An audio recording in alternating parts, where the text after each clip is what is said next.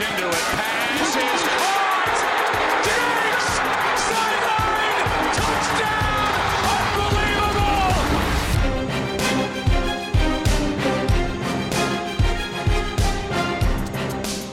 Welkom allemaal bij weer een nieuwe aflevering van de Sport Amerika NFL podcast. Ik ben jullie host Tom de Vries en op afstand van mij zitten deze week Toon Aerts en Lars Leefting. Welkom heren. Goedenavond. Goedenavond. Ja, natuurlijk allereerst namens de gehele NFL-redactie van Sport Amerika de beste wensen voor iedereen, voor alle luisteraars en, en jullie ook uh, beiden nogmaals de beste wensen. Dank je. Yes. Toon, uh, had jij een televisieoptreden als, als goed voornemen voor 2021? Uh, dat zat er nog niet meteen in, maar uh, dat is dan ja, als soort uh, nieuwjaarscadeau, onverwacht nieuwjaarscadeau, toch in mijn, in mijn schoot gevallen. Um, ja, goed, voor degenen die niet op de hoogte zijn, en dat zullen wellicht alle luisteraars zijn. Um, ik maak komende zaterdag tijdens de wildcard game om 22.40 uur mijn televisiedebuut als co-commentator bij Eleven Sports. Dat is de Vlaamse televisie. Dus Nederlandse vrienden, als jullie toch eens één keer niet naar NFL Network of een stream of, of Fox willen kijken, dan, dan is er nu ook een alternatief op de Vlaamse televisie. En tot zover ja, de, de zelfpromotie, want daar doe ik meestal niet zo aan. Ja, maar die heb je verdiend, hè? Je hebt toch on, on, onder, onze, onder onze vleugels ben je toch langzamerhand aan het uitgroeien tot een, tot een ware celebrity, Toon. Als je maar weet waar je vandaan komt. ja, precies. Ik ga jullie name droppen. Geloof het maar. ik heb het op tv nooit verder geschopt dan de smaakpolitie. Dus uh, je, je, gaat het sowieso beter doen dan ik. Hey Lars, voor jou is het jaar ook niet uh, slecht gestart, hè? Nee, ik, uh, ik moet heel eerlijk zeggen dat het ja, misschien wel een beetje iets te spannend was nog, voor mijn gevoel. Um, maar goed, ja, uiteindelijk moet ik zeggen dat ik ja, aan de ene kant best wel blij ben. Maar ik zag eigenlijk vijf minuten daarna ook alweer een stat. Dat de Packers vanaf het moment dat ze een bye week hebben 0 om 3 zijn. dus daar word ik dan weer meteen niet zo heel erg vrolijk van. Ja, maar er is, er is maar goed, laten we vooral positief beginnen. Die, is altijd ja, wel een stat te bedenken die dan net niet lekker valt of zo. Nee, maar goed, je, je doet dat waarschijnlijk met je eigen team ook wel. Je gaat dan meteen weer dingen opzoeken die negatief zijn. Zo werkt dat nou eenmaal. En ja, dit was iets wat ik dan langs zie komen en denk van ja, maar goed, weet je, uiteindelijk ben ik gewoon blij dat ze in ieder geval uh, ja, dat ze een bye hebben. En uh, laten we hopen dat dat positief uitpakt. Want ja, de tegenstanders daar, uh, die mogelijk tegen kunnen komen, daar, wordt, daar zit er eentje tussen waar ik ook niet heel vrolijk van word. want die hebben ons eerder dit jaar ook al verslagen. Maar goed, dat zien we dan wel weer. Ja, Nee, daar gaan we het overigens uh, vooral niet over hebben. Niet nu over vandaag, hebben. Hè, want, uh, het, het, reguliere seizoen zit er, zit er inmiddels op. Hè. Gisteren was uh, de laatste speelronde, week 17. We weten nu hoe de playoffs eruit komen te zien. in deze podcast kijken we vooral terug op de wedstrijden van gisteren. later deze week komen we terug met een vooruitblik op de playoffs. Dus we zijn er twee keer zelfs deze week. en dat is ook het plan eigenlijk voor de rest van de playoffs. Hè. Dus zowel een recap als een preview podcast twee keer per week. Uh, en om het helemaal af te toppen, komt er ook misschien nog wel een speciale fantasy-editie dit weekend. Dus ja, echt uh, podcast gekkenhuis deze week, maar alleen maar leuk. Um, even terug naar gisteravond, uh, Lars. Ehm, wat, wat, was jouw moment van, van gisteren? Ja, zo, nou, ik, ik heb daar heel lang over na moeten denken. Want ik heb er eigenlijk vijf op mijn lijstje staan. Ik ga ze natuurlijk niet alle vijf noemen, want dan hoeven jullie niet meer. Um, maar ja, waar ik dan toch voor ga zijn uh, de, de, ja, de bonussen die meestal in week 17 opgepikt worden door spelers. En uh, dat levert soms wel eens hele hilarische momenten op. En afgelopen weekend, uh, nou ja, Antonio Brown was wat minder hilarisch. Maar uh, Tom Brady die gooide in de slotfase, nou volgens mij alleen maar naar Antonio Brown, zodat hij nou ja, een kwart miljoen meer kreeg. Um, en ja, het hoogtepunt voor mij was toch wel Emmanuel Sanders, die wist dat hij nog een catch nodig had. En hij was niet de enige die wist dat hij nog een catch nodig had, want het hele team wist het. Uh, en hij had die catch te pakken. En uh, ja, zijn reactie was wat mij betreft wel het hoogtepunt van dit weekend. Uh, want ja, die verdient met één catch verdient hij gewoon 500.000 euro. dat is mij, er zijn dagen dat mij dat niet overkomt. Ehm, dus ja, ik kan wel een beetje begrijpen dat hij blij was. En dat was voor mij, ik vond dat toch wel, wel lachen dat zoiets kleins echt iets heel erg groots kan opleveren natuurlijk. ja, vooral qua geld. Volgens mij was er uh, volgens mij was het David Moore van de Seahawks die uh, ook een dergelijke bonus pakte. En wat daar bijzonder was, dat volgens mij de, de Seahawks zelfs uh, gewoon konden knielen en de, en de klok konden um, leegspelen. Ja. Maar in plaats daarvan nog een play hadden gedesigned om, om hem nog een catch te, la te, te, laten krijgen. Ik weet niet, even niet meer ging of, het, of het ging om een aantal yards of een aantal catches, maar het was een soort van uh, bedank je voor het feit dat hij zo'n goede teammate was geweest het hele jaar. En die, die, die streek ook nog even een mooi bedrag op uh, met die laatste catch. Ja. Ja, mooi. Toon, wat, wat, wat was voor jou uh, het moment van gisteren? Ja, ik had er ook... sinds, sinds we dit doen, schrijf ik ook tijdens Red Zone mijn potentiële momenten van de week op. En ik had er eigenlijk ook zeven, zeven genoteerd, die ik echt leuk Misschien moeten we volgend jaar gewoon een top 10 doen. Ja. ja, precies. Dat kan makkelijk. Um, maar ik ga voor een uh, rookie. Uh, en het is niet een rookie van de LA Chargers deze week. Maar uh, wel een van de Minnesota Vikings, namelijk Justin Mhm. Jefferson. die eigenlijk in een niet-zeggende game tegen de Lions, die desalniettemin heel leuk was om volgen, want die twee hebben gewoon alles op het veld gelaten, waren shootout tegen elkaar. Het, het kon hun allemaal niet schelen. Het was gewoon. defense was optioneel, dus het was het ruilen van touchdowns en het ruilen van grote yardage. En uh, Justin Jefferson die uh, haalde 1400 yards uh, dit seizoen tijdens deze game. En daarmee wordt hij dus de, de rookie receiver die het meeste receiving yards ooit in zijn rookie seizoen op de tabellen zet. En dat is toch bepaald indrukwekkend. Um, te meer omdat hij van die zeer sterke wide receiver class van dit jaar eigenlijk pas als vijfde gepikt werd in met de 22e pick. Um, de Eagles bijvoorbeeld uh, lieten hem gaan uh, voor, voor, uh, voor Rager. De Oakland Raiders lieten hem gaan voor Henry Ruggs. Enzovoort. Um, maar dan zie je toch dat, dat zo'n man, 22e pick, dat hij eigenlijk dit seizoen ja, gewoon de, nummer 1 receiver geworden is van de Vikings. En wat vooral nog extra speciaal is, dit is natuurlijk het resultaat van een trade met de Buffalo Bills voor Stefan Diggs. En um, dit moet uh, een van de weinige keren zijn in de geschiedenis, wellicht, dat, um, dat een trade dusdanig goed uitpakt voor beide teams. E eigenlijk zijn beide teams winnaars. Oké, de Vikings hebben de playoffs niet gehaald, wellicht door een heel zwakke start. Maar die Justin Jefferson, ja, daar gaan ze nog jaren uh, plezier aan hebben. En hetzelfde geldt voor de Bills met uh, Stefan Diggs. Dus, um, dus ja, super. Uh, trouwens, de, de, de viering van Kirk Cousins uh, op een bepaalde touchdown, dat was ook een van mijn potentiële momenten. Uh, dat zag er ja, niet, niet zo ritmisch uit als, als wanneer Justin Jefferson die, die viering doet. Was Justin Jefferson de meeste yards voor een rookie wide receiver van de Vikings in franchise history? Dus uh, meer bijvoorbeeld dan Randy Moss, uh, bekende wide receiver. Uh, dus, dus die ja, kon wel wat. Die Ja. kon wel wat. Dat is vrij bijzonder. En je noemde Stefan Dix zo eventjes. Dat was bijna mijn moment van de week. Stefan Dix die aan de zijlijn even zijn tanden aan het flossen was. Ja, Dat is echt een bizar beeld. Ja, nee, nou, hoe kan dit nou joh? Lijkt me corona Ja, dat- technisch ook niet helemaal eh, ideaal. Maar het is... Ja, eh, wat het beter maakt was dat Kevin Harlan de commentator was. Ja. Want die speelt altijd fantastisch op in. Dus ja, weet je, het was een ideaal moment inderdaad. Ja, volgens mij ook wel een teken van hoe makkelijk het eh, de, de, de, dat. Bills afgingen, maar daar komen we straks wel op. Hey, mijn moment van de week. eh, ja, ik, ik had er ook echt vele, maar ik ben voor deze gegaan. Eh statline, bij wie hoort deze? 253 rushing yards en twee touchdowns. Jonathan Taylor. Ja, ik hoopte natuurlijk dat je Derrick Henry zou zeggen, maar het, het klopt. Het is eh, inderdaad eh, Jonathan Taylor. En ja, de reden waarom ik dit eh, moment had, is eh, Jonathan Taylor door ve- velen verguisd dit seizoen. ook zeker door ons. Daar moeten we volgens mij ook hand aan eigen boezem steken. Toch al meerdere keren aangegeven dat het niet bepaald het seizoen was van deze rookie. Van, eh, van de Colts, maar gisteren eh, ja, 253 rushing yards tegen de Jaguars. Oké, het zijn de Jags, maar toch twee, eh, twee touchdowns. En Jonathan Taylor rent de Colts de, de playoffs in. Ja, ik vind het toch wel knap om te zien dat, dat zo'n rookie zich tijdens een seizoen zo kon herpakken en van een, een complete aanfluiting naar een, ware revelatie kan, kan uitgroeien binnen één seizoen.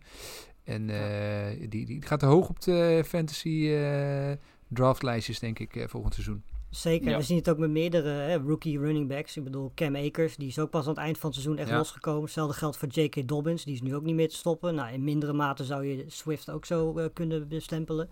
Dus eh, ja, weet je, dat is toch wel een soort van trend die je ziet. Eh, en volgens mij is het alleen maar mooi, behalve dan voor zijn collega's natuurlijk. En bij de Colts lopen natuurlijk wel een paar rond, zoals Heinz en, en ja, Wilkins. Die gaan nu natuurlijk gewoon achter Taylor een stuk minder snaps kregen dan dat ze midden van het seizoen kregen.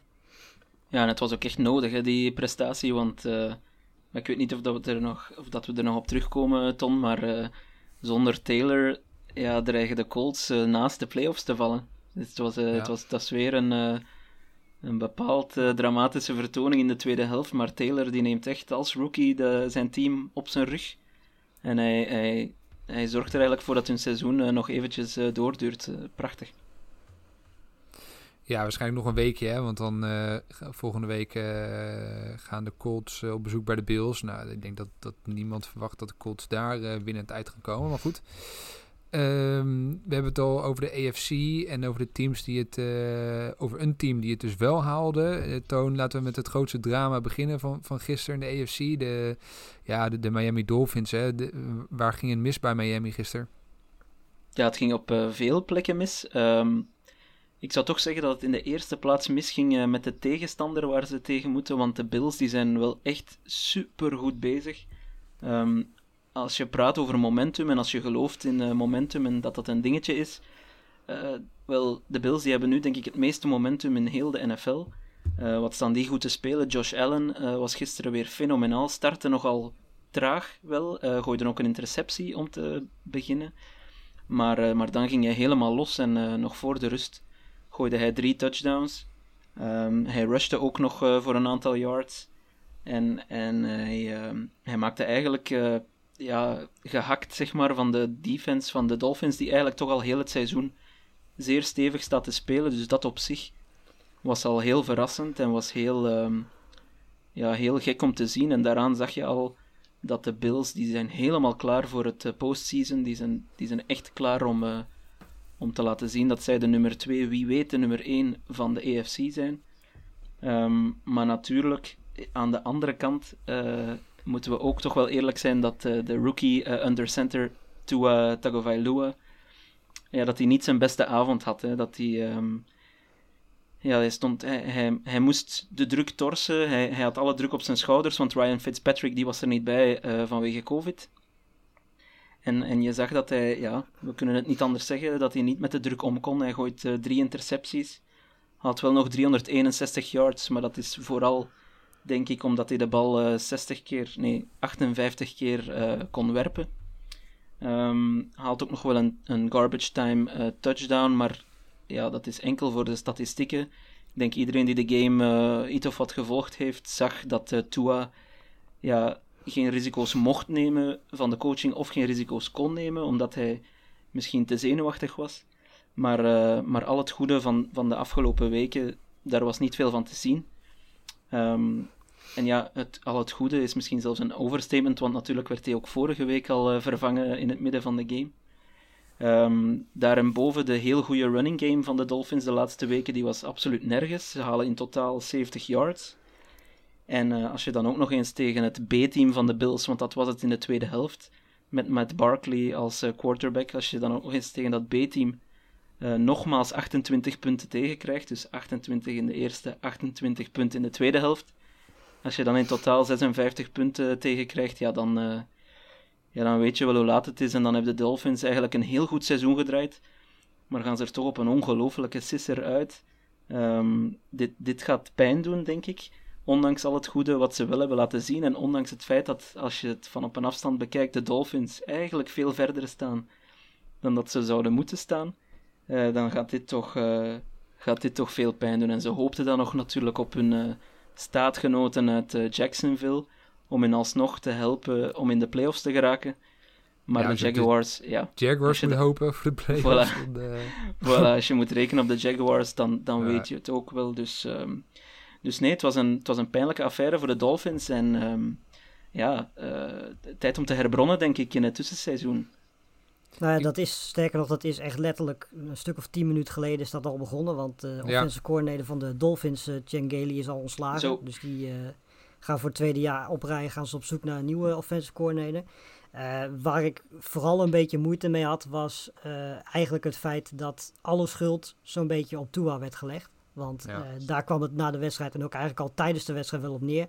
Heel veel mensen die hem eigenlijk al aan het afschrijven zijn.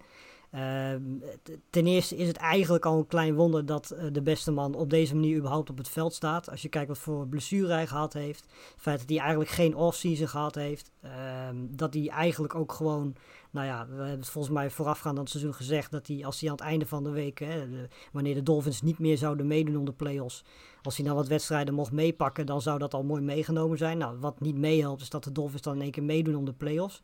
Eh, waardoor de druk op Tua natuurlijk meteen heel hoog ligt. Dus, eh, en hij heeft ja, geen wedstrijdritme en hij heeft geen offseason gehad. En hij moet dan meteen eigenlijk proberen de Dolphins de playoffs in te halen. Dat deed hij in het begin op zich nog wel aardig.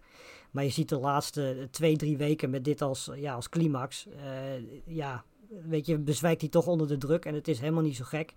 Eh, de man heeft tot nu toe ook zijn, diepe bal nog niet laten zien. Daar hoor je ook heel veel mensen over. Nou, zijn diepe bal is ook zeker niet eh, zijn allerbeste eh, kwaliteit natuurlijk. Ehm, maar het is wel heel erg makkelijk om nu de schuld bij Tua te leggen. Ehm, weet je, feit is gewoon dat eh Tua eigenlijk al veel verder is dan denk ik menigeen verwacht had. als je ziet waar hij vandaan komt.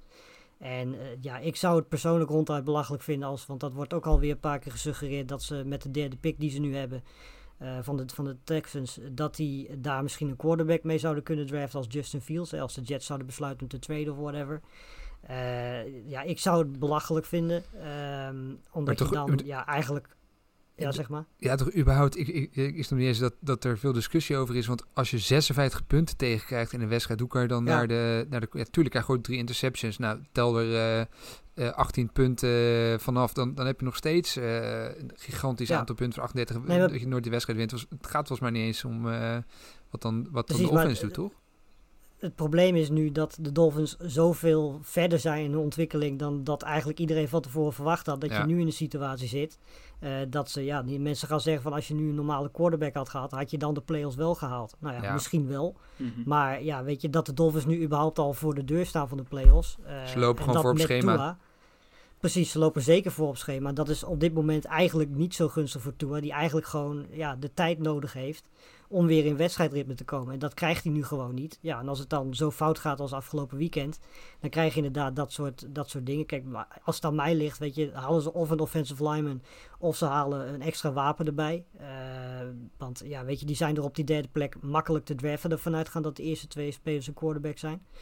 Ehm, weet je, ja, het zou echt, echt bizar zijn als ze nu al zouden opgeven, nu al zouden beslissen van we, gaan- we draften Ja, met dat drie gebeurt niet. eh, wederom een quarterback. Ja. Dat, eh, ik kan het me ook niet geloven, maar niet. ja, weet je, Nee, maar ze gaan dat niet doen, ja. denk ik. Ehm, je moet het ook, ja, de bigger picture bekijken. Ze halen een 10 en 6 record. Eh, als ik me niet Ja. vergis, werden ze vooraf het seizoen eh, geprojecteerd als eh, voor de vierde pick of zoiets. En dan niet de pick Ja. van de Texans, wel te verstaan, maar hun eigen, eh, hun eigen draft pick. Ehm, dus 10 en 6 is gewoon een fantastisch record in een AFC East met de Bills die fantastisch zijn. En met de New England Patriots die weliswaar eh, alles behalve fantastisch zijn, maar toch ook nog altijd eh, rekening mee moet gehouden worden. Ehm, en, en Tua, ik denk dat hij er wel komt, maar inderdaad, alle, alle omstandigheden gisteren zaten tegen. De defense die goed was, die was nergens. De running game die zeer goed was, die was nergens. De playcalling was misschien ietsje te conservatief en eh, ja, je had niet de, de factor Ryan Fitzpatrick op de bank die ja, draai het of keer het hoe je wil, toch op een of andere manier, denk ik, een soort eh, safety net is voor Tua. Eh, en dat was nu niet aanwezig en hij moest alles zelf doen. En dat het voor zo'n rookie dan eens een keer niet lukt, als alle spotlights op je staan en als je tegenover een, een Josh Allen staat die echt meedoet voor de MVP misschien wel, dan, dan, ehm, ja, dan kan dat gebeuren. Dus eh, ik, ik ga zelf ook niet naar Tua wijzen. Ehm, en ik ga de Dolphins ja, proficiat wensen met hun seizoen, maar neemt niet weg dat het wel een zeer pijnlijke manier is om, eh, om af te sluiten natuurlijk. Ja, ze- geduld. Ja, precies. We gaan ze zeker terugzien volgend jaar. Eh, laten, we, laten we overstappen op de teams die wat meer geluk hadden. En gelukkig hadden ze de Titans, eh, Lars. Hè? we, we kennen ze wel, die, die, die bekende kicks die dan net de paal raken en dan of net wel of net niet eh, tussen de palen doorgaan. Nou, bij de, bij de Titans ging het allemaal net goed, hè? Ja, ik denk dat eh, Cody Parkey inmiddels een, eh, nieuwe televisie heeft gekocht. ik denk dat hij eh, wel wat deuk in zijn televisie heeft geslagen. Ehm, maar inderdaad, het was, eh, ja, het was eigenlijk sowieso een bizarre wedstrijd. Want in principe was er niks aan de hand. Eh Titans hadden tegen de Texans gewoon de controle. Stonden met rust, zelfs vlak na rust eigenlijk 24-9 voor. Er was echt niks aan de hand. Eh, Henry was weer heel erg goed aan het spelen op weg naar zijn 2000. En eh, vervolgens, ja, eigenlijk aan het einde Sterker nog, ze stonden zelfs 31-15 voor. Ehm, en dan eind derde kwart, begin vierde kwart, eh, ja, wordt dus John Watson eigenlijk wakker. Die scoort twee touchdowns. Ehm, waardoor de Texans in één keer eh 35-31 voor staan. Eh, Watson die trouwens gewoon dit jaar weer eh, de meeste passing yards heeft. Bizar, hè? Eh, met een offensive line voor zijn Ja. neus waar je, nou ja... eh, daar zou je eigenlijk van zeggen dat hij bij de Packers zouden spelen omdat die gatenkaas zijn. ja. Ehm, en verder heeft, ze eigenlijk, heeft hij gewoon geen wapens opvullen. Nou, nou, die is ook nog geblesseerd op dit moment. Het is gewoon een Ehm, top drie quarterback seizoen wat, wat hij draait. Ja, en absoluut. daarmee, eh, zeker, daarmee ja. win je vier wedstrijden. Nou, dat, dan, dat, dat zegt wel genoeg wat hij er om zich heen heeft lopen. Dat zegt inderdaad genoeg. Nou ja, goed, dan vervolgens ja, gebeurt eigenlijk een hele tijd niks. En dan één, ja, de laatste anderhalve minuut is eigenlijk bizar. Want ja, Tannehill die rust die bal vervolgens eigenlijk in voor de endzone, hè, voor de touchdown. Staan ze drie punten voor de Titans. Vervolgens eh kikt eh Fireban een fantastische drive ook weer voor Watson. Eh field goal om eh, 38-38 te komen. En ja, dan gaat iedereen er eigenlijk al vanuit dat het overtime wordt. En dan besluit Tannehill nog even een heerlijke bal naar eh, AJ Brown te gooien. Ehm, ja, die uiteindelijk op de, wat was het, net eh, ja, dik over de 15-yard line eh, heen ging. En ja, Sloman die mocht vervolgens aanleggen voor een 37-yard field goal die tegen de paal aan ging. En in tegenstelling tot wat er met Parky overkwam, ging, hij, eh, ja, ging deze bal de goede kant erin. Waardoor zij uiteindelijk eh, ja, de divisie win. Veel korter kan ik het niet samenvatten. ik, ik, wil- ik wil niet te ver vooruit kijken, Lars, want dat gaan we in, eh, in onze volgende podcast doen donderdag. Maar eh, Ravens tegen de Titans komend weekend. Ik denk dat er 250 Ja. punten gescoord gaan worden in die wedstrijd. Ja, dat is echt heerlijk. En elke Nederlander moet ook heel, heel erg blij zijn dat die wedstrijd om 7 uur samen. Want ik was eigenlijk een beetje bang dat die wedstrijd s'nachts zou zijn. Ehm, maar volgens mij hebben we een beetje geluk dat het niet twee hele grote ehm, teams zijn met hele grote markten. Ehm, en ja, dat je in dit geval zondagavond om 7 uur die wedstrijd gaat checken. Ik zou zeggen, echt absoluut iedereen kijken. Want dit, dit kan niet anders dan spektakel en veel punten gaan opleveren. Ja, inderdaad. het is, het is wel... ehm, enfin, als je Derrick Henry natuurlijk ziet spelen, dat is fenomenaal. Die haalt weer meer dan 200 yards. Die haalt natuurlijk 2000 yards. Wat, eh, wat, wat fantastisch is. Hij is ja, nu toch wel de beste running back in de, in de NFL, denk ik, op dit moment. Ehm, maar eh, daarnaast staat ook nog eens een Ryan Tannehill, die toch niet erg vaak vermeld wordt, moet ik zeggen, maar die toch wel echt een eh, fenomenaal seizoen speelt. Eh, die 40 touchdowns scoort.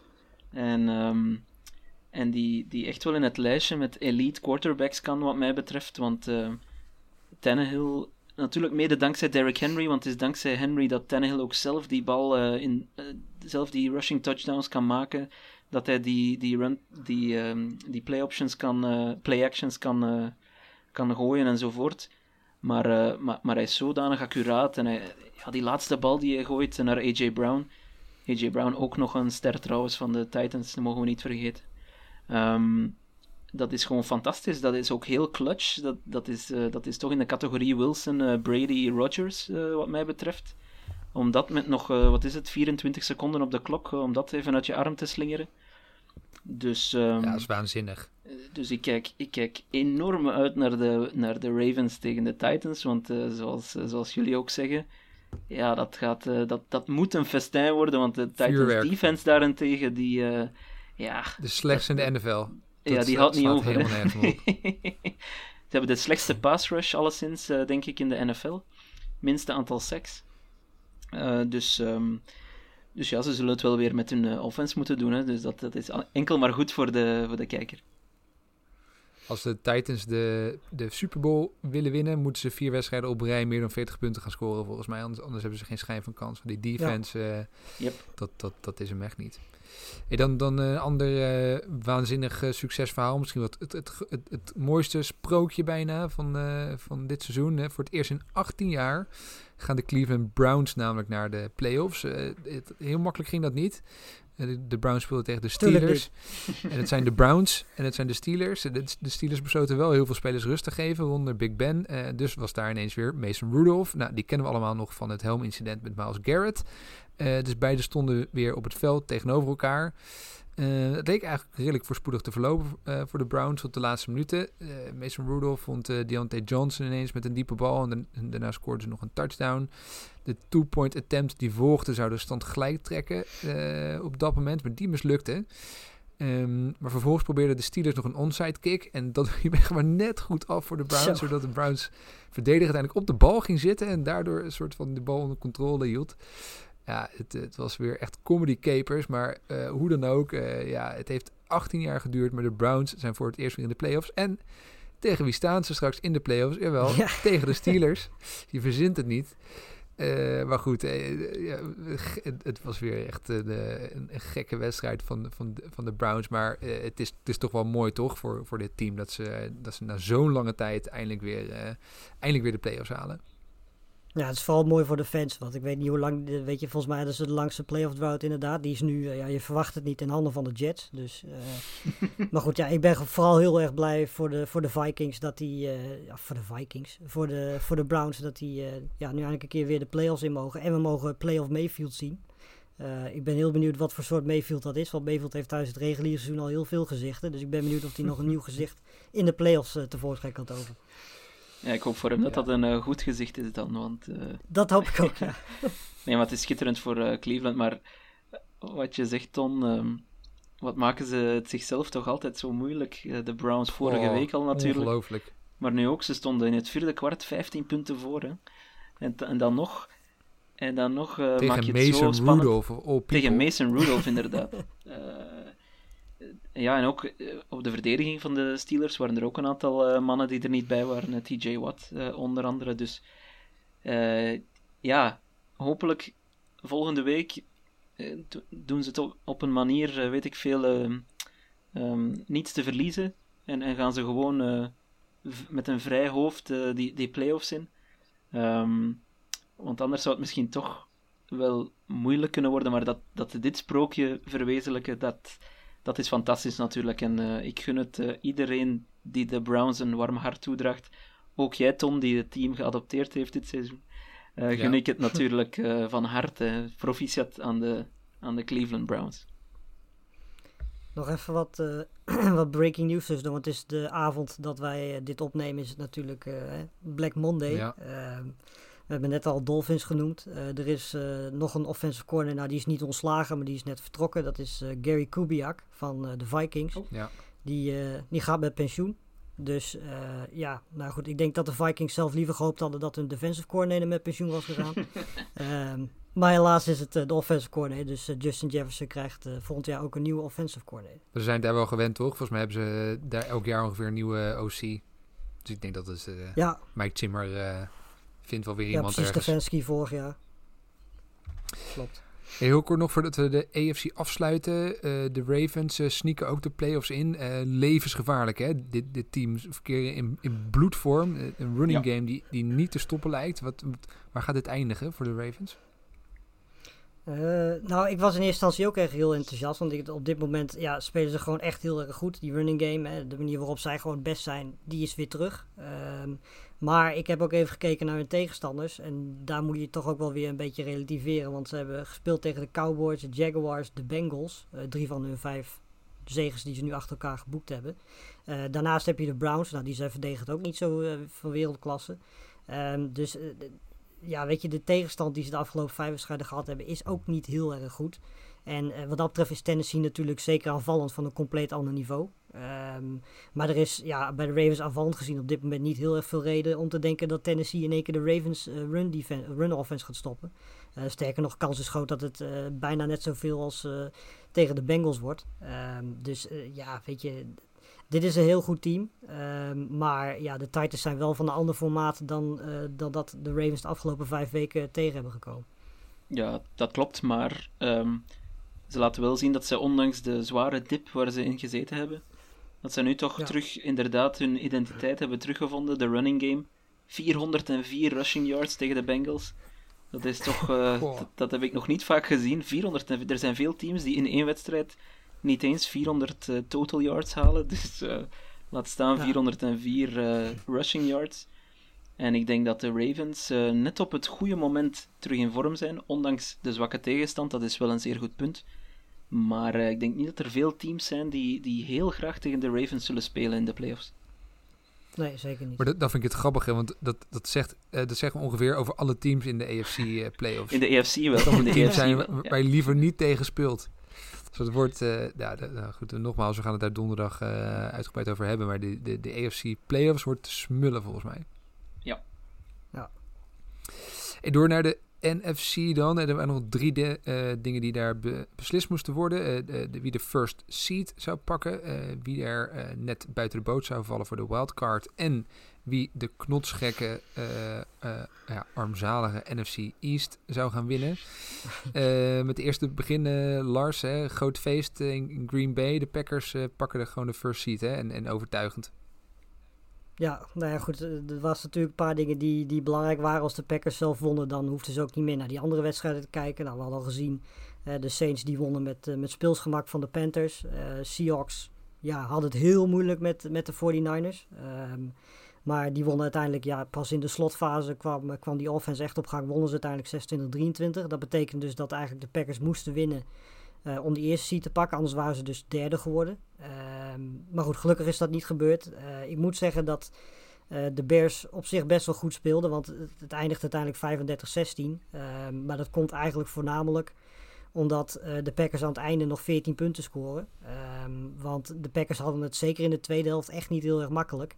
En het is dat, ja, dat die Bears offense gewoon eigenlijk niet zo heel erg goed is op David Montgomery na. Eh, want anders dan hadden de Packers er echt wel heel veel moeite mee gehad. Want die Bears defense is echt heel erg goed. En de- ja, Packers hadden gewoon geen run offense.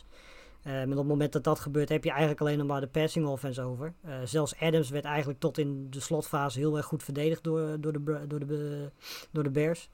Ehm, ja, weet je, en dan uiteindelijk de laatste drive. ja, weet je, die is dan uiteindelijk beslissend. Die duurt vanaf de negende minuut in het vierde kwart tot drie minuten eh, voor het vierde kwart van de, van de Packers. Dat levert uiteindelijk ook een touchdown op.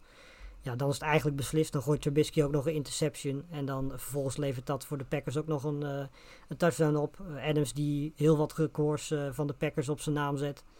Overigens, ja, net zoals Henry is ook Adams iemand die eigenlijk gewoon MVP, in ieder geval votes verdient. Ja. Ehm, we weten allemaal dat het naar een quarterback gaat. Ehm, maar ja, als je buiten de quarterbacks twee man moet noemen, dan denk ik dat, dat Henry en, en Adams daar toch wel bovenaan zullen staan. Ehm, maar goed, ja, weet je, hij is, hij is binnen. En ik, eh, ja, weet je, de kans is heel erg groot eh, dat, het, dat de Buccaneers de tegenstander gaan zijn in die, in die tweede ronde. Dat is dus na een bye. En dat is eerder dit jaar ook al gebeurd. En toen eh, gingen de Packers heel hard onderuit tegen de Buccaneers. dus daar maak ik me nog wel een klein beetje druk om. Dus ik hoop eigenlijk stiekem dat de Rams of zo stiekem of de Bears kunnen winnen. want dan zouden we hun tegenkomen. Eh, maar ik heb nog eventjes, eh, want eh, er is heel veel discussie over de MVP natuurlijk. Gaat tussen Aaron Rodgers en Patrick Mahomes. Ik denk dat we daar, ondanks dat Henry en Adams het ja, wat mij betreft ook mogen zijn, gaat het denk ik wel tussen hun twee. Ik heb even de statistieken van hun beiden naast elkaar gezet. Ehm, op zich zit er niet heel veel verschil in. Ze hebben, Rodgers heeft 5 interceptions, Mahomes 6. yards per attempt is allebei 8 quarterback rating is allebei eh, rond de 84. Ehm, maar er zijn wel een paar verschillen. Mahomes heeft natuurlijk voordat hij wedstrijd minder gespeeld heeft. ehm, heeft eh 400 nog wat yards meer dan eh Rodgers. Ehm, maar goed, Rodgers heeft eh, ja, 10 touchdowns meer gegooid dit jaar. 38 voor Mahomes, 48 voor Aaron Rodgers. Wat een idioot aantal is als je weet dat hij maar 5 interceptions gegooid heeft. Ja, en Rodgers heeft ook eh, iets minder dan 50 keer eh, gegooid dan Mahomes. Mahomes heeft 588 attempts gehad en Rodgers 526. Ehm daar komt natuurlijk ook wel weer bij dat Rodgers een veel makkelijker programma gehad heeft en Mahomes eh, ja, een iets moeilijker schema gehad heeft dit jaar. Ehm, dus ik was wel heel erg benieuwd, want weet je, wat mij betreft het maakt mij eigenlijk geen, geen reden uit welke van de vier jongens het wordt, want ze verdienen het alle vier. Maar ik was heel benieuwd eh, wie jullie MVP eigenlijk is. Toon, heb jij een Zeg maar, voorkeur? Tom. Ja. Ehm, een voorkeur niet echt. Trouwens, ik vind wel dat ehm, Josh Allen sneaky toch de vijfde kandidaat mag zijn. Ja. Ehm, en dat had ik vooraf het seizoen absoluut niet verwacht. Eh, dus eh shout-out naar, eh, naar Josh Allen. Maar, maar het zal wel tussen, tussen Rodgers en Mahomes gaan, daar, daar gaan we allemaal van uit. En dan zou ik, voor, uh, ik persoonlijk voor Rodgers kiezen. We hebben dit debat al een keertje gehad in onze, in onze appgroep. Um, ja. Waarbij van alle vergelijkingen en van alle factoren uh, erbij werden genomen. En inderdaad, het klopt dat uh, Mahomes meer wedstrijden wint. Dat hij een moeilijker schema heeft gehad. Dat hij natuurlijk ook ja, eigenlijk nog maar een derde jaars quarterback is. Um, maar, uh, maar Rodgers, voor mij, als je kijkt naar de wapens die hij rondom zich heeft, die buiten, buiten Adams niet zo, ja, niet van een super hoog niveau zijn wat mij betreft. En gekoppeld aan de verwachtingen vooraf het seizoen. Hè, Jordan Love wordt gedraft. Kan Rodgers het wel nog? Is dit zijn laatste jaar in Green Bay? En, enzovoort enzovoort. Ja. Of, of Green Bay was vorig jaar onterecht 13 om 3. Uh, dat, dat gekoppeld en dan de prestatie die hij nu levert dit seizoen met dit team, is voor mij um, genoeg om hem net dat kleine voordeel te geven um, in de MVP-stemming. Dus als ik zou stemmen, ik zou voor Rodgers stemmen. Ja, ik, denk dat ik me daar wel bij aansluit. Ik, ik vind inderdaad dat Mahomes de betere wapens heeft, in ieder geval in, qua, qua diepte. Um, dus dat, dat, dat maakt het voor hem misschien iets makkelijker. Ja, het is iets makkelijker. Het slaat überhaupt nergens op. Het beide spelen van een buitenaards, uh, op een ja. buitenaards niveau. Um, maar dan misschien inderdaad net Rodgers toch iets knapper wat hij doet. Ik denk ook dat uh, de coaching van de Chiefs ook nog beter is. Dus dat, er, dat, er, dat helpt natuurlijk. En, en Mahomes ook. Dus, ja, goed. Ik denk dat het heel, heel klein is. Maar als ik inderdaad iemand zou moeten kiezen, dan, dan zou ik ook voor Rodgers gaan in dit geval. Trouwens, um, als ik een zijbruggetje mag maken van MVP naar Coach of the Year, dan um, raak ik meer en meer overtuigd ook van het feit dat misschien wel Matt LeFleur, waar eigenlijk nooit over gepraat wordt in deze discussie, ja, dat hij eigenlijk het misschien wel nog het meest van al verdient. Uh, want ja. wat hij op twee seizoenen bij Green Bay doet, is eigenlijk bepaald indrukwekkend. En dat was bij mezelf ook wat onder de radar uh, verdwenen. Maar uh, ik ben er eigenlijk op gewezen tijdens de Around the NFL podcast. Uh, en ik moet er me eigenlijk helemaal bij aansluiten. Het is, het is ongelooflijk wat die man uh, doet. Twee keer, uh, twee keer op twee seizoenen, dertien keer winnen. Um, of zijn ze veertien om twee nu? dat ontgaat me even. Nee, ja, 13, twee keer, twee keer 13-3, dat is toch eigenlijk als beginnende coach met een team wat zeker offensief niet altijd als bij de beste gezien wordt in de NFL, op papier. Ja, dat is, dat is fantastisch. En hopelijk voor LeFleur en voor Lars uh, kan hij het nu in de playoffs ook wat verder schoppen natuurlijk. Maar daar donderdag meer over. ik heb alvast, uh, Lars, ik heb alvast wat extra ruimte om harde schijven vrijgemaakt ja. voor, voor die extra minuten die je gaat maken. Nou, wees wel blij dat we die walkoutronde niet ja. Het toon was natuurlijk ook drama in de NFC. De, de Cardinals van, van net buiten de boot. Uh, in, in, die verloren in een matchup tegen de Rams met, met quarterbacks... waar denk ik uh, de gemiddelde luisteraar nog nooit van gehoord heeft. ik overigens nee, ook niet. ik, ik ook niet, moet ik heel eerlijk zijn. Um, de Rams backup, dus dat was wel bekend. Die ging, de Rams gingen sowieso met een backup spelen. John Wolford financieel analist uh, sta, stond er op zijn uh, LinkedIn-pagina, zijn actieve LinkedIn-pagina te lezen. Um, maar hij is uh, vanaf, ja, sinds gisteren is hij geen financieel analist meer, integendeel. Hij is wat mij betreft een volwaardige NFL-quarterback. Um, en de Cardinals, die door, door toch een dosis pech eigenlijk ook een hele wedstrijd, of bijna een hele wedstrijd, met een backup moest spelen, want in de eerste drive wordt Kyler Murray gesackt door Morgan Fox. Uh, kan niet zo goed meer op zijn enkel lopen en dus moet vervangen worden door uh, Chris Stravler. Ik hoop dat ik dat juist uitspreek. Um, en het gekke was dat uh, de start van beide quarterbacks was, was, was diametraal tegenover de rest hun wedstrijd. Want Wolford die startte heel slecht met een interceptie, waar dan een touchdown uit voorkomt. geworpen, ja, het was, een kleine, het was een kleine tos eigenlijk, maar goed, een touchdown pass is een touchdown pass van Stravler. Maar vanaf dat moment um, keerde de rollen helemaal om. En die Straveler, die, die, die heeft een bepaald uh, dramatische wedstrijd gespeeld, moet ik zeggen. Um, haalt in totaal 105 yards. Uh, gooit ook nog een heel lelijke interceptie. Dat wordt uiteindelijk een pick 6 van, moet ik even spieken, Troy Hill. En dat is het keerpunt ook in de wedstrijd. Vlak voor de rust scoort Troy Hill met die pick 6. Komen de Rams op voorsprong. En Ton, jij weet beter dan wie ook, als de Rams bij de rust op voorsprong staan, met Sean McVay als coach, dan verliezen ze nooit. Dus dat was nu ook het geval. Kwam erbij dat Sean McVay trouwens nog nooit verloren had van de Cardinals. Dus de sterren stonden bijzonder ongunstig voor, voor Arizona. En dat bleek ook. Het was geen uh, hoogstaande wedstrijd, zeker niet op offensief vlak. Die John Wolford die deed het overigens wel nog best goed. Haalt in totaal 231 yards. Gooit eigenlijk best goed. Gooit ook een paar mooie ballen, vooral op Robert Woods. Die, was, die speelde aardig.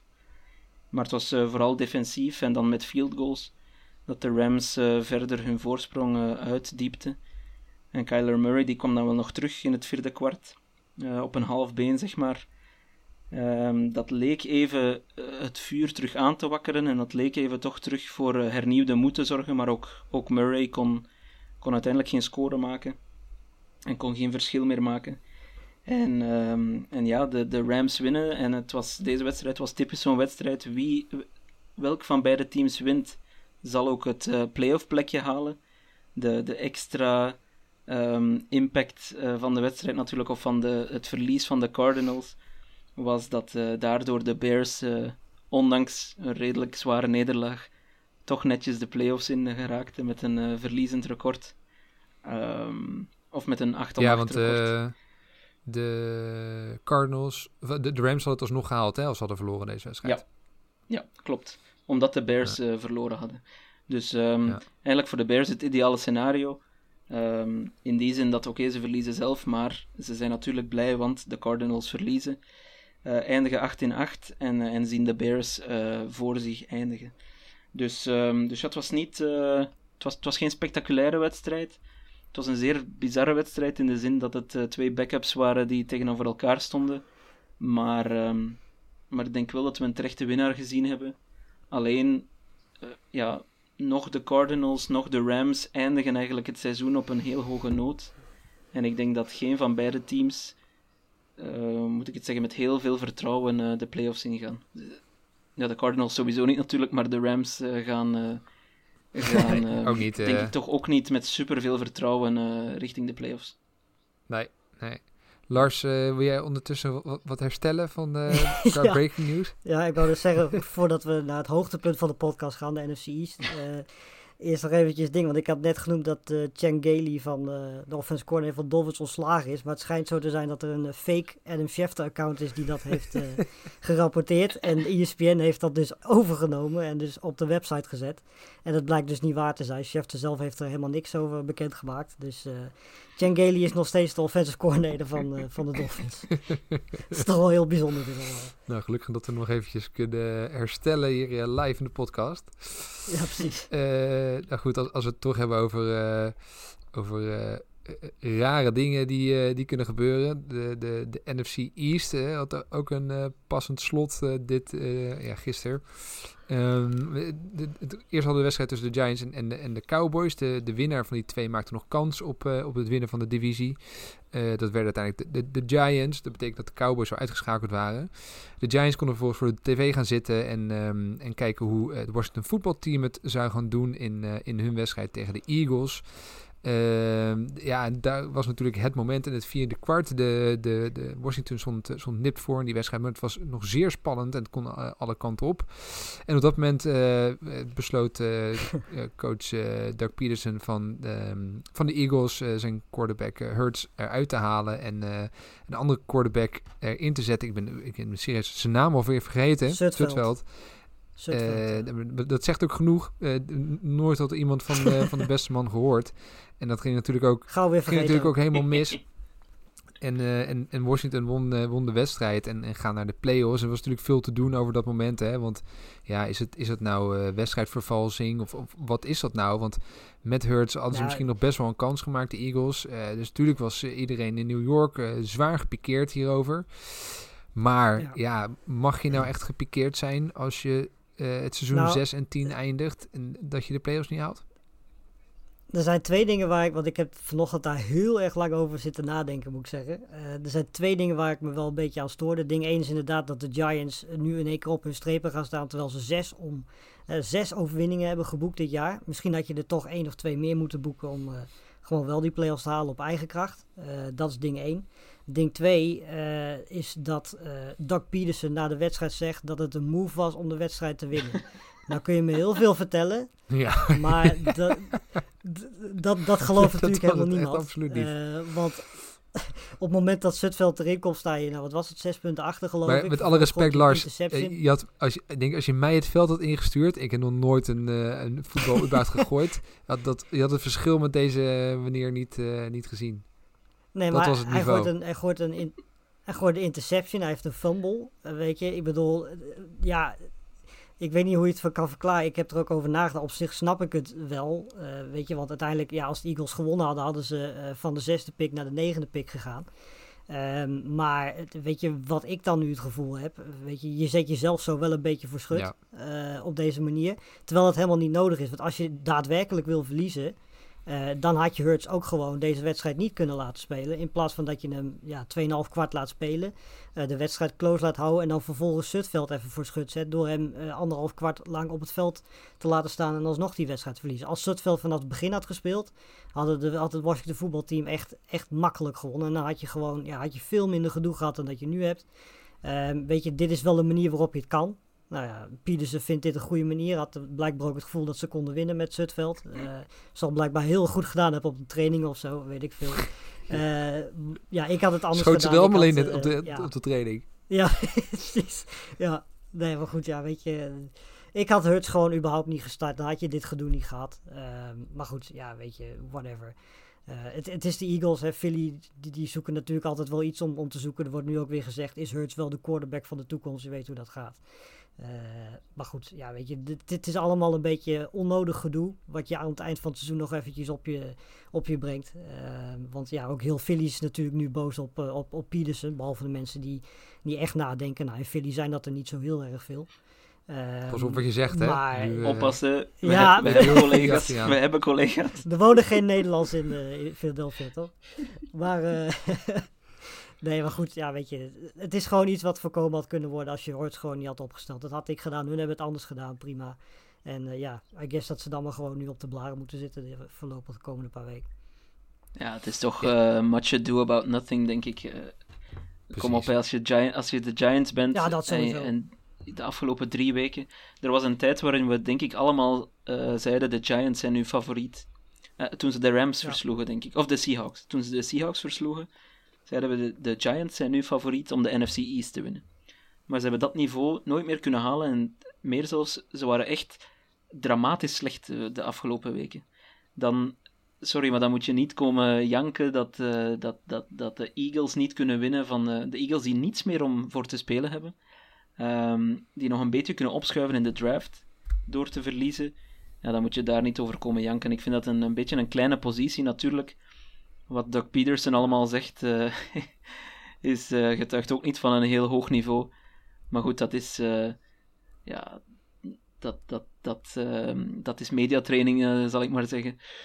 Dus ehm, ik, ik vind dat de Giants gewoon hun mond moeten houden en, en eerst eens meer dan... enfin, eerst een winning record halen en misschien dat je dan recht van spreken. Ja. Ja, het is eigenlijk precies. misschien nog leuker geweest als het de Cowboys waren Ja, die ja. mochten Ja, dat houden. klopt. En Ja, we weten hoe de Cowboys zijn. En we weten ook dat heel veel mensen niet zo Eh, fan zijn eh, van de Cowboys. Dus dat ja, hadden we denk ik allemaal wel heel leuk gevonden. Ik ben het er overigens ook volledig mee eens hoor. Ik denk dat de Giants niet, niet zo moeten zeuren. Ik denk alleen, weet je, we hebben vorige week ehm, TJ Watt, eh, of was het JJ Watt van de, ehm, van de Texans eh, gezien Watt, ja. met, met, met zijn emotionele interview na de wedstrijd. Ik heb ook een interview gezien met Matt Rule, die, die, die ging over tanken. Ja, het- je hebt wel een, te maken met een team die keihard vecht om een wedstrijd eh, te winnen. En dit soort beslissingen die coaches dan maken, die toch ja, uiteindelijk wel ook eh, de intentie hebben, nou in ieder geval niet om de wedstrijd te winnen. Ja, dat, dat doet natuurlijk wel iets met een locker room en, en het vertrouwen in, in, in een coach. En ik denk dat dat, eh, ik weet niet hoe hij dat gemanaged heeft, maar daar, daar zal hij in ieder geval wel flink wat tijd in moeten steken om eh, dat goed aan zijn team uit te leggen. Zodat dat niet een, eh, Ja. nog, een, nog een staartje krijgt. Toon, jouw moment. We hebben er lang op moeten wachten. Ehm, het is Black Monday vandaag. Dat betekent dat er een hoop coaches de deur gewezen zijn. Nou, Doc Marone is weggestuurd bij, bij de Jaguars. Adam Gates is weggestuurd bij de Jets. Allemaal geen verrassingen. Maar ook Anthony Lynn van de Chargers is vertrokken. Is de wacht aangezet. Uh, Toon, uh, heb jij een, een, een dansje gemaakt in, in, in de woonkamer toen je dat las? Er is een fles ontkurkt. Uh, alleszins. dat is een fles um, ontkurkt. Goed. nee, nee ik, ga, ik, ik heb beloofd dat ik het uh, kort ga houden. Um, ik was natuurlijk heel blij met het nieuws. Uh, heel blij. Um, het was licht onverwacht, omdat Daniel van Sportgeneuzel had er me op gewezen dat het, een, dat het ook wel de, de, de Dan Quinn weg uit zou kunnen gaan, waarin hij die laatste vier wedstrijden wint, Lin, en zo toch zijn job nog redt. Maar aangezien dat hij nu toch vrij snel vandaag ontslagen is, denk ik dat de, de beslissing eigenlijk al veel eerder was gevallen om niet met hem door te gaan.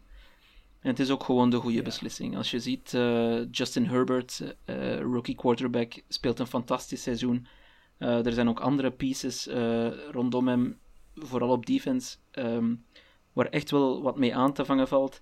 En je zag ook in de statement van Dean Spanos, daar stond letterlijk in we willen de modernisering van onze organisatie willen we op alle niveaus doortrekken. En ik denk dat dat ja, iedereen die Hard Knocks gezien heeft vooraf aan het seizoen en hoe Anthony Lynn nogal wat moeite had met Zoom, um, die, die weet dat dat misschien toch wel een kleine vingerwijzing naar Anthony Lynn zelf was. Hij, hij stond ook voor een, voor een stijl van voetbal die niet past bij zijn roster. Run first en, en conservatief. Klokmanagement sloeg helemaal nergens op. Dus ik denk dat de juiste keuze is, ondanks het feit dat Lin op zich natuurlijk wel een, een goede gast is. Hè. Dat zie je ook aan de reacties. Ik heb een aantal reacties van spelers gezien.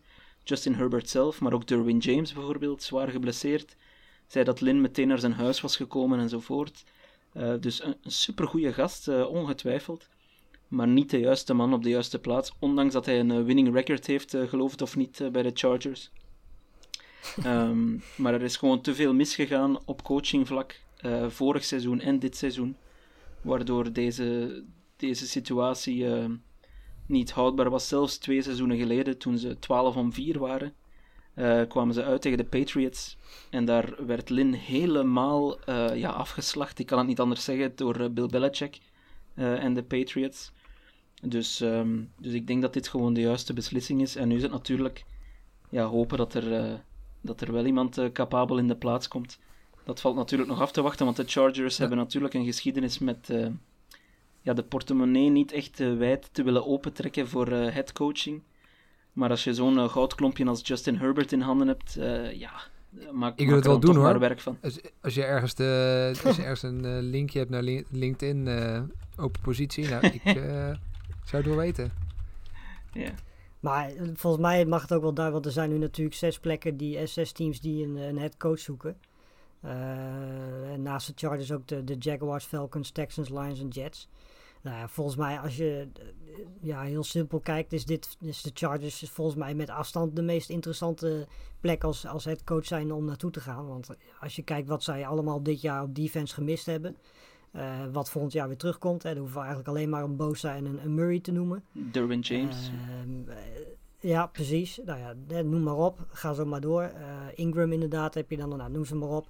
Een hele goede defense. Je hebt met Herbert nu een hele goede quarterback. Je hebt eigenlijk op zich al met Allen en Williams twee goede wapens. Je hebt met Henry een prima tight end. Je hebt met Eckler een goede running back. Eigenlijk het enige wat nog ontbreekt ja, is misschien een iets beter offensive line, maar vooral gewoon een hele goede coach. En uh, ik heb al een paar namen langs zien komen. Ik vind Brian DeBol, de offensive coordinator van de Bills, ja.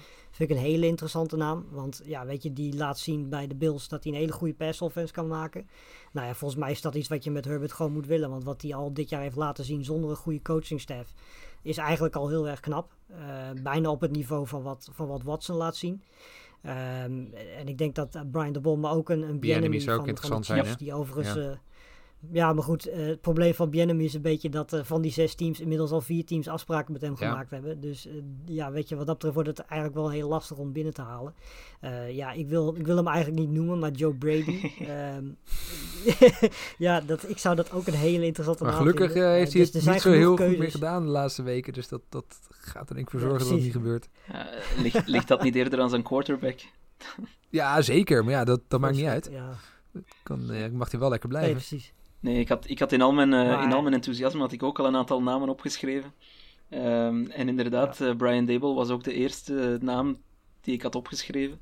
Volgens mij is dat de, de ideale kandidaat om eh, als jonge coach, zeg maar, ehm, en toch wel de, een beetje de, de man achter, eh, achter de evolutie van Josh Allen.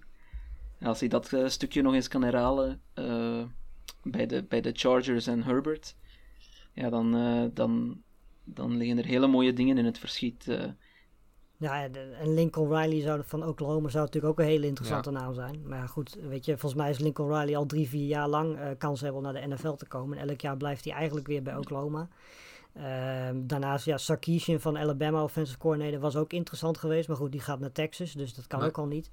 Dus de kans is heel groot dat het vanuit de NFL komt. En ja, weet je, dan is eh, zo iemand als...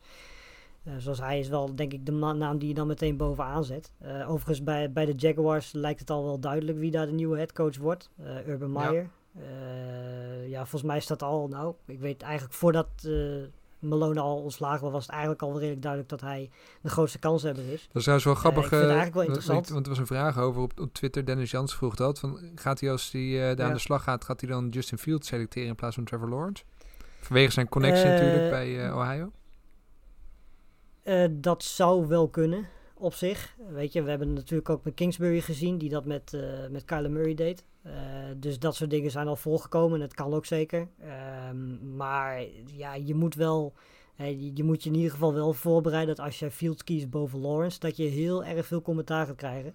Ehm, want eigenlijk gaat zo'n beetje iedereen er al vanuit dat Lawrence de eerste pick Ja. gaat zijn. En volgens mij heeft Ehm, Kaan ook, eh, de eh, owner, ook gezegd dat hij roster power of zo wil houden. Ik- wat- dat betekent, Ja. geen idee. Ja, maar precies, ik denk dat hij ermee bedoelt. eh, ik, ik zorg wel dat Trevor Lawrence naar Jacksonville komt. Ja, precies. Eh, weet je, ja, ik ben sowieso heel benieuwd, want weet je, dit team is niet een team wat volgend jaar direct de playoffs gaat halen. Dat, weet je, het heeft heel veel talent en ze hebben natuurlijk heel veel cap space, samen met de Jets zo'n beetje het meeste. Dus je kunt daar heel veel doen. Ehm, en misschien kunnen ze zo'n hè, zo'n, zo'n, zo'n ja, verbetering als wat de Dolphins hebben doorgemaakt, misschien dat dat zou kunnen, maar dat is dan ook wel echt het, het ja, denk ik, het maximaal haalbare volgend jaar.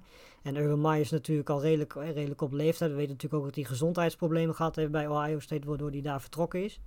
Ehm, dus ik had eigenlijk verwacht dat hij misschien zou kiezen, hè, bijvoorbeeld voor een Chargers, waar je op korte termijn ja, sneller goed kunt presteren, wat misschien voor zijn gezondheid beter is.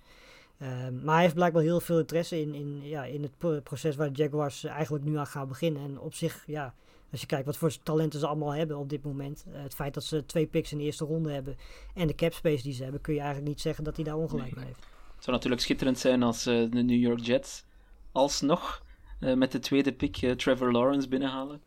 Dan, dan hebben ze het gewoon prima gedaan. Ja, ja. Hey, ehm, we, gaan, we gaan bijna afsluiten. Ik wil nog heel even terugkomen op NFC East. Want we gingen er net, net eh, aan voorbij. En eh, we hadden het met name over, over de Eagles. En toch nog heel even benoemen hè, dat het voor het Washington voetbalteam wel echt een eh, bizar jaar is geweest. En wat er allemaal is gebeurd daar is echt Ja. onvoorstelbaar. Het is natuurlijk, nou, überhaupt het Washington voetbalteam. Ze hebben een nieuwe naam. Ron Rivera is als coach binnengekomen. Die is tijdens het seizoen ook nog eens even behandeld aan, aan huidkanker. Daar weer van bovenop ge- gekomen. Eh, Alex Smith, Comic Player of the Year. Nou, dat hoeft ook geen. eh hoeven we ook niet lang over te hebben. Dwayne Haskins, die ge- gereleased is. Chase Young, die opstaat als, als grote nieuwe naam. Grote gezicht van de franchise. Het is wel een jaartje dit geweest voor Washington. Ja, weet je, op zich is het best wel mooi om te zien eigenlijk als je ze vergelijkt met eh, waar het vorig jaar en eigenlijk de jaren daarvoor zat. Eh, ik denk dat ze wat dat betreft heel veel krediet gewonnen hebben en dat is ook alleen maar positief. Eh, de vraag is alleen wel een beetje, want ja, de, kracht is natuurlijk de defense geweest dit jaar. Ehm, de vraag is natuurlijk wel over Jack Del Rio, want die gaat natuurlijk ook interesse krijgen. Daar kun je op wachten eh, als defensive coordinator van, van Washington zijnde. Eh, als die weggaat, ja, weet je, hoe ga je dat dan opvangen? Daarnaast, weet je, zijn aanvallend ook nog wel wat vraagtekens. Eh, maar weet je, ja, als je gewoon buiten het veld kijkt, dan heeft, heeft ja, deze franchise volgens mij echt wel flinke stappen gezet. En eh, ik denk dat dat alleen maar positief is. Ja, een aantal, een aantal verhaallijnen bij Washington behoren denk ik tot de mooiste verhaallijnen van het seizoen. En jammer zou ik zeggen dat hun divisiewinst een beetje ondergesneeuwd wordt door, eh, door het hele Eagles-Giants verhaal. Want eh, zouden we niet gewoon moeten focussen op het feit dat eh, Alex Smith de playoffs haalt? Eh, dat is toch... Ja. Ja. als je daar eh, een tientje op had gezet, dan, eh, dan was je nu een rijk man, denk ik.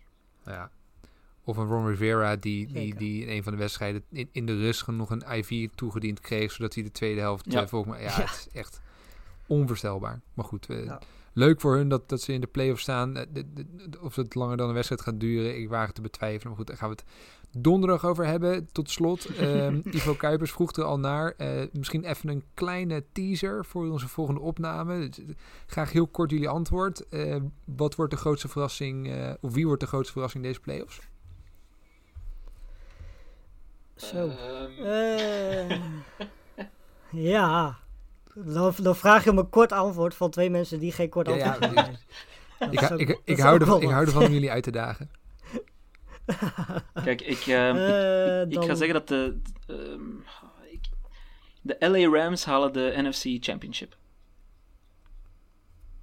Oké, Zo. Nou. Ja. Eh, de Bears gaan de Oh, Saints verslaan. Oh, sowieso. nou, dit, dit zijn aardige Ja. teasers. Ik zeg dat de Seattle Ja. Seahawks de Super Bowl gaan halen. Justin Nou, zou dit blij zijn- zijn. Dit, dit zijn wel even cliffhangers waar, eh, waar we wat mee kunnen. Hè? Hey, eh, En dan alles donderdag onkrachten natuurlijk. ja, ik ga er nu nog eens even een paar dagen goed over nadenken. En dan eh, donderdag kom ik met een paar argumenten waarom dit eh, totale onzin was wat ik net eh, verteld heb. Ehm Ere, nou, het, het was, het waren 17 zeer boeiende weken. Het, het, was, het was af en toe genieten, het was af en toe gek. Er zijn een hoop spelers geweest die niet konden spelen vanwege eh, corona-gevallen. Laten we vooral blij zijn dat we aan het Het einde is gelukt. Ja, het dat is, denk ik heel weinig mensen. dat denk ik ook inderdaad. Dat denk ik ook. En het is jullie ook gelukt. Dus eh, jullie eh, bedankt voor eh, een mooi seizoen reguliere podcast opnemen. En Yes. ja, gelukkig stromen we direct door richting de playoffs. En we spreken elkaar later deze week alweer. En nou, volgende week waarschijnlijk weer. Dus Zal ik zeggen, je bent er niet van nee, daar was, daar, daar was ik al bang voor. Daar was ik al bang voor. Nee, gezellig. Ik, eh, ik kijk alweer naar uit. Ik vind de play-offs echt altijd eh, het, meest genieten. Ik vind, daar zit zoveel spanning in die wedstrijden. Er zit zoveel druk op. Ik vind dat echt geweldig om naar te kijken. Dus ik... eh, Ja, een wedstrijdje meer hè, tijdens het precies, dat ook nog. Dat is ja, nog lekker. ja, en zaterdag en zondag Ja. op schappelijke tijden. Nou, het, het, het kan niet op.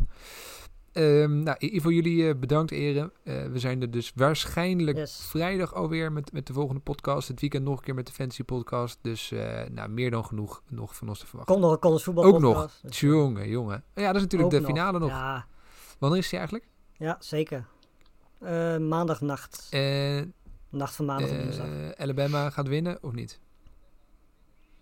Eh, nou ja, daar ga ik wel vanuit. Maar goed, Ohio State eh, was tegen Clemson ook geen favoriet. Die hebben ze ook ingemaakt. Dus eh, wellicht dat Justin Fields nog een, nog een tweede hoed Ik, heeft. Een paar ik, nieuwe ik meen mijn tweet, ik, ik meen mijn tweet te herinneren van Lars, die, die voor, voor de wedstrijd van Ohio State zeiden ik hoop dat ze er op zijn minst een wedstrijd van kunnen ja, maken. ja, ja, ja, ja, ja. ja. Nou, dat hebben ze goed gedaan. Mooi. Heren, jullie bedankt. En eh, we spreken elkaar over een paar dagen weer. Alright. 哟可